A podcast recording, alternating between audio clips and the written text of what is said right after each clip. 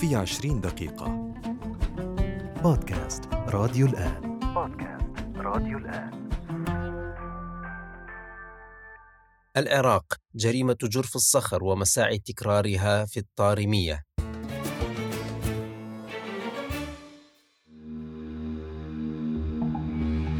على الرغم من مرور عشر سنوات على تحرير منطقة جرف الصخر شمال محافظة بابل العراقية من تنظيم داعش الإرهابي إلا أن الميليشيات المسلحة الموالية لإيران سيطرت على المنطقة بصورة كاملة وحولتها إلى ثكنة عسكرية ومستودعات للأسلحة والسجون السرية. ومنعت عودة الأهالي إليها وهم يعانون المرارة والجوع والألم في مخيمات النزوح بعد حرمانهم من منازلهم وممتلكاتهم. واليوم يراد تكرار هذا السيناريو السوداوي في مناطق أخرى داخل العراق مثل منطقة الطارمية التي تتعرض للتحريض المستمر من قبل الميليشيات لاحتلالها وتحويلها إلى منطقة منزوعة السكان مثل جرف الصخر. مرحبا بكم في حلقة جديدة من بودكاست في عشرين دقيقة. نتحدث فيها عن جريمة جرف الصخر وحرمان الأهالي من العودة إلى مناطقهم وإمكانية إعادة وتكرار هذا السيناريو في مناطق أخرى من العراق مثل الطارمية.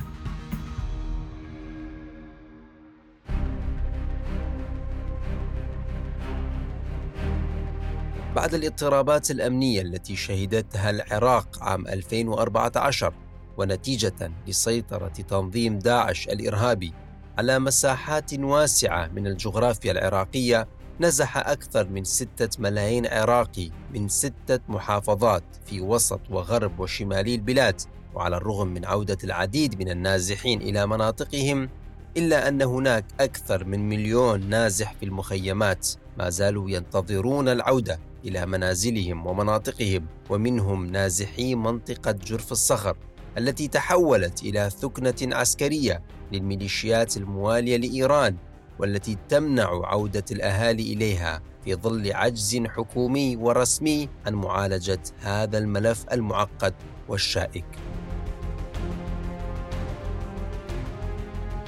ويرى الكثير من المراقبين أن منطقة جرف الصخر تحولت إلى مركز مهم للميليشيات الموالية لإيران والتي تدير المنطقة بتوجيهات وإشراف من الحرس الثوري الإيراني حيث تعد المنطقة ناحية زراعية تضم عشرات القرى بموقعها الاستراتيجي الذي يطل على محافظات بابل جنوبا والأنبار غربا ومن ثم كربلاء والنجف وصولا إلى منفذ عرعر بين العراق والمملكة العربية السعودية. ولكن اليوم المنطقة أغلقت تماما ومنع السكان البالغ عددهم 140 ألفا من العودة إليها مع التلميح بمقاضاة أي جهة سياسية أو فرد يطالب بعودة المهجرين والنازحين إلى جرف الصخر لإغلاق الملف تماما وإنهاء آمال الآلاف من المواطنين من العودة إلى مناطقهم المحتلة. ويسيطر على المنطقة. ثلاث ميليشيات رئيسية معروفة بارتباطها الوثيق بإيران وهي كتائب حزب الله والنجباء وكتائب سيد الشهداء وهي التي تفتخر بولائها للمشروع الإيراني والتزامها بتعليمات وأوامر المرشد الإيراني علي خامنئي. ولا تلتزم بالسياسة الرسمية العراقية إلا فيما يتعلق بأخذ الأموال والرواتب والأسلحة والمساعدات اللوجستية.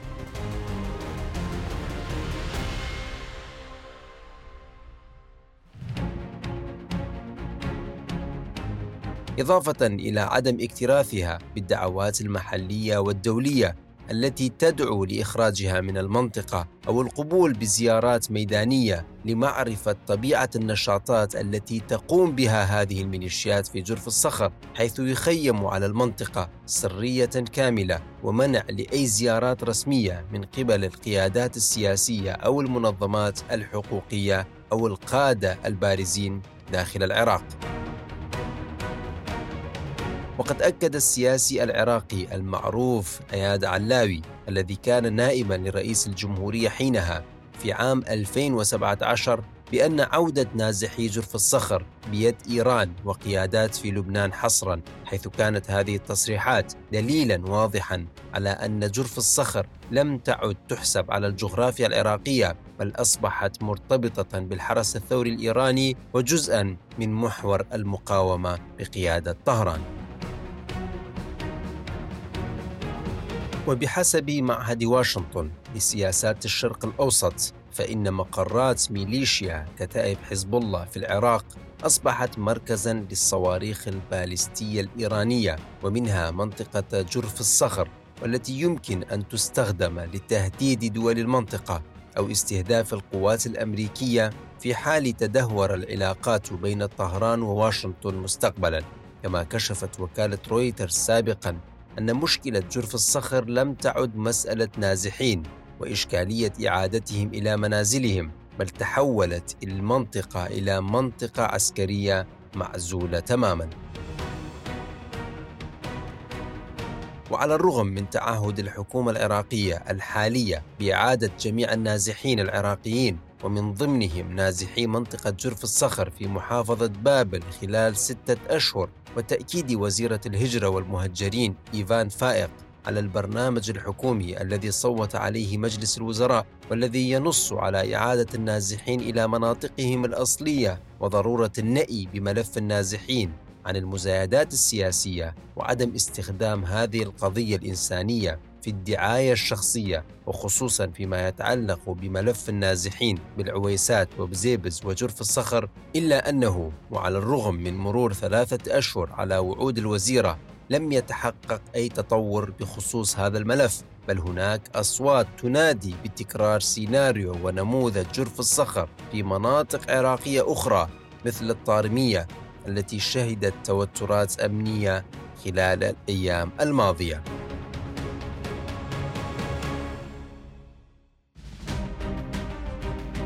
ويبدو واضحا أن الميليشيات الموالية لإيران لن تنسحب من جرف الصخر وتتخلى عن هذه المنطقة الاستراتيجية فقط بل وتحاول تكرار هذه التجربة في الطارمية أيضا وغيرها من المناطق لتعزيز تواجدها العسكري ونفوذها الأمني وتوفير الموارد الاقتصادية عن طريق استغلال جغرافية هذه المناطق.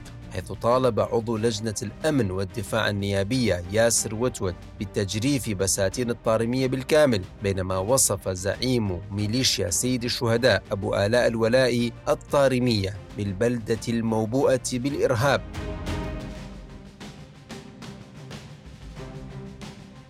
وبخصوص هذا الموضوع نتحدث مع الكاتب والباحث السياسي العراقي الأستاذ مجاهد الطائي ونسأله أولا كيف تحولت منطقة جرف الصخر العراقية من منطقة زراعية إلى منطقة منزوعة السكان يديرها فصائل موالية لإيران ويتحكم بمستقبل هذه المنطقة هذه الميليشيات دون أن تسمح بعودة الأهالي إلى منازلهم؟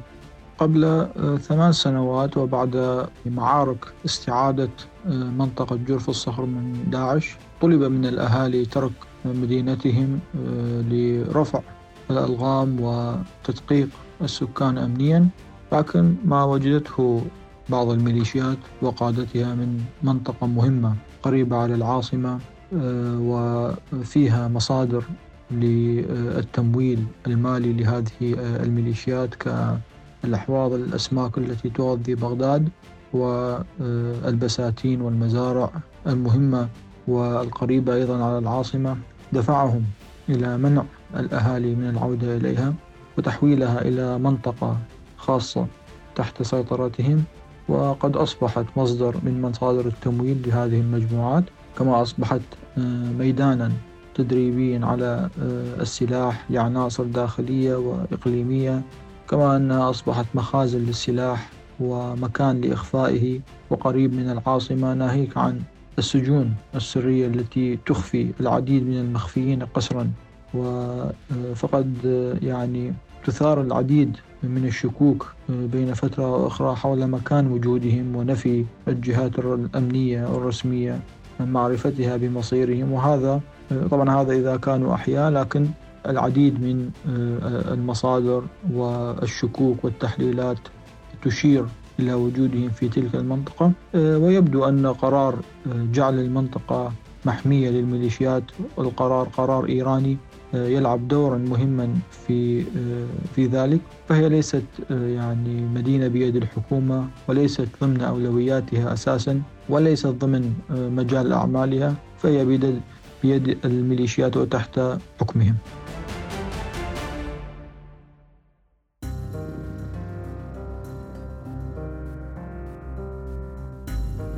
ولماذا فشلت الدولة العراقية في معالجة هذا الملف على الرغم من الدعوات الداخلية والخارجية التي تطالب بإعادة الأهالي إلى منازلهم؟ طبعا فشل الحكومات العراقية المتعاقبة في تسهيل عودة آه، النازحين إلى جرف الصخر يعود إلى آه، سبب أن الحكومات العراقية هي حكومات آه، محاصصة حزبية طائفية وكل حزب يمثل آه، يعني آه، مكونه ويقوم بمعالجة مشاكله. والحكومة العراقية لا تقوم إلا بالخطوط آه، التنفيذية العريضة والسياسات العامة للدولة. وبالتالي إعادة النازحين إلى مدينتهم جرف الصخر وفق تلك المعادلة هي مهمة القوى السنية بالدرجة الأساس. هذه وفق السياق العراقي. ولكونهم القوى السنية الطرف الأضعف في المعادلة الطائفية آه، يصمتون على جرائم آه، التهجير ومنع الأهالي من العودة إليها لأنهم يخشون من ردة فعل القوى الشيعية التي تعتبر ميليشياتها كابنها المدلل والعاق وحامي لهذا النظام الطائفي وسيطرة المنتفعين. آه، حتى لو كان هناك أعمال وجرائم وانتهاكات فالمهم بالنسبة لهم ضمان بقائهم في الحكم بدعم هذه الميليشيات والتخادم معها في الكثير من القضايا. ناهيك عن أن هناك تسريبات تشير إلى وجود أطراف دينية ومعممين يرفضون عودة الأهالي إلى جرف الصخر ويعني يريدون استمرار هذه الميليشيات بطريقة أو بأخرى في بقائهم في تلك المدينة.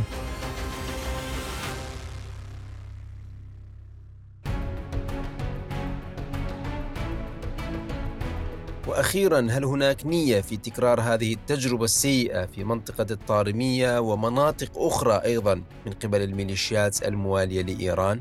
في الحقيقة هناك دعوات طائفية من قبل القوى الحليفة لإيران بتكرار تجربة جرف الصخر وهي جريمة ضد الإنسانية بتكرارها في مدينة الطارمية والسبب في ذلك أن مدينة الطارمية هي مشابهة في كثير من التفاصيل بجرف الصخر. على سبيل المثال هي أيضا يعني تعتبر مصدر من مصادر التمويل هكذا ينظر إليها كونها فيها آه، العديد من الأحواض السمكية التي تغذي آه، العاصمة بغداد وتنافس جرف الصخر التي خاضعة لسيطرة الميليشيات وبالتالي هي تنافس تلك الميليشيات في مصادر تمويلها. لذلك هناك مساعي للسيطرة عليها والدفع باتجاه مسك الألف من الملف الأمني من قبل هذه الميليشيات.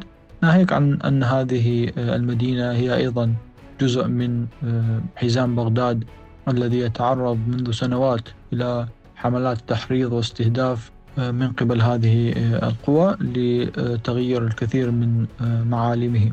النقطة الجوهرية والأساسية في الخطابات الطائفية أنهم يحملون السكان الفشل الأمني الذي آه، تعتمده الكثير من يعني الأجهزة الأمنية الذي يعني بدرجة الأساس يعتمد على الجهد الاستخباري آه، المكثف. وهناك يعني تداخل في عمل هذه الأجهزة آه، بالرغم من أن مدينة الطارمية مدينة يعني متعاونة مع الجيش ويطبق فيها نظام الكفيل الذي يعني يساهم بشكل كبير حفظ الأمن في في المدينة.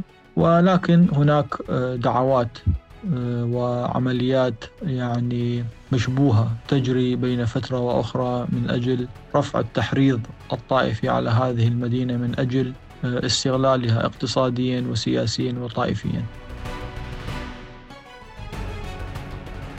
وقد عاد الاضطراب الأمني في قضاء الطارمية بالتزامن مع الزيارة المليونية وسط العاصمة العراقية حيث أسفر تعرض الخميس الماضي عن وقوع عدد من الضحايا نتيجة لتفجير حزام ناسف أعقب اشتباكات مع مجموعة تابعة لتنظيم داعش الإرهابي بحسب خلية الإعلام الأمني. وقد أثار الهجوم الإرهابي المخاوف من قيام الميليشيات الموالية لإيران بالقيام بعمليات ذات طابع انتقامي من الأهالي في الطارمية بسبب التحريض الإعلامي الكبير الذي يجري ضد أهالي المنطقة والتمهيد لتكرار سيناريو جرف الصخر وخاصة أن الميليشيات استغلت هذه الحادثة للتحشيد الطائفي ودعوة الفصائل إلى الدخول والسيطرة على المنطقة دون الحديث عن أهمية وجود القوات الأمنية الرسمية للدولة في هذه المناطق. لتخفيف التوتر ومحاربة الإرهاب بصورة منظمة واكتساب ثقة المواطنين بدل التفكير بنماذج وتجارب فاشلة تعتبر جرائم وتقوم على حرمان آلاف العراقيين من العودة إلى مناطقهم.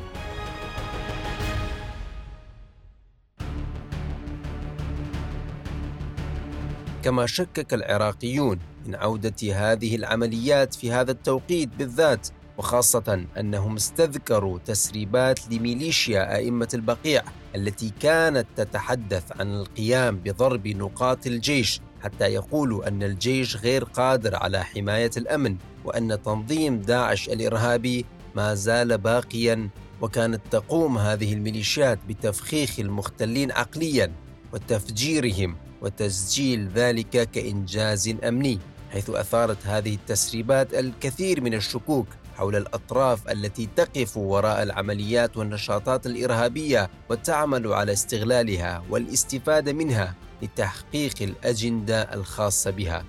كما يؤكد الكثيرون من أهالي منطقة الطارمية أن المنطقة خالية تماما من الخلايا الإرهابية وخاضعة للتدقيق ونظام الكفيل ولا يدخلها أحد إلا بتدقيق والبساتين فتشت أكثر من مرة كما أنهم يؤكدون أن المدينة تتعرض لمخطط كبير من قبل الميليشيات وتحديدا كتائب حزب الله وعصائب أهل الحق ويريدون السيطرة على المنطقة وأكثر من مرة تم افتعال هجمات وتم كشفها من قبل الجهات الرسمية ولم يتم الإعلان عن ذلك حتى وصلت إلى درجة إخراج معتقلين والتمثيل بهم بالبساتين كما يؤكد الأهالي أن فرضية وجود خلايا إرهابية هو ما تريد الميليشيات تثبيته كحجة لاقتحام المدينة والسيطرة عليها وتكرار سيناريو جرف الصخر فيها.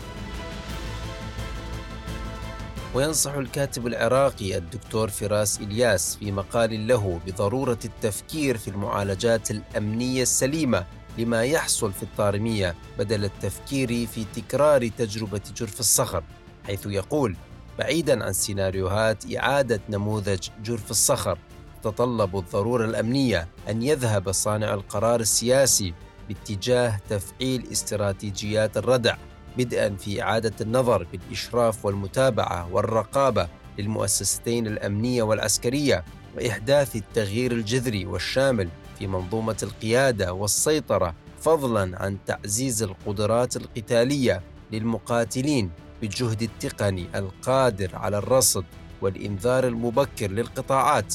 فالمناطق الرخوة امنيا المحيطة ببغداد تشكل حزاما جغرافيا معقدا على المستوى العسكري يمتد لمسافة لا تقل عن 500 كيلومتر تصل إلى مشارف العاصمة بغداد.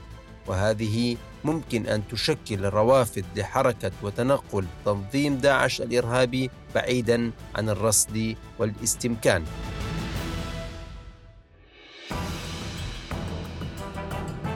ومن هنا تبرز أهمية تدخل الدولة بصورة سليمة وعقلانية في إدارة الملف الأمني وإبعاد الجماعات المسلحة والفصائل والميليشيات المرتبطة بأجندة خارجية عن التدخل في هذه الملفات والتي تؤدي إلى زيادة تعقيدها وزيادة المشاكل وتراكم الأزمات كما حصل في جرف الصخر. ويرى المواطنون أن تدخل الدولة بصورة حيادية لحماية المواطنين ومكافحة الإرهاب بصورة موضوعية سوف تساهم في إعادة الاستقرار. وطمأنة المواطنين وإبعاد الأجندة الخارجية التي تستخدم الميليشيات لتنفيذ مصالحها في هذه المناطق.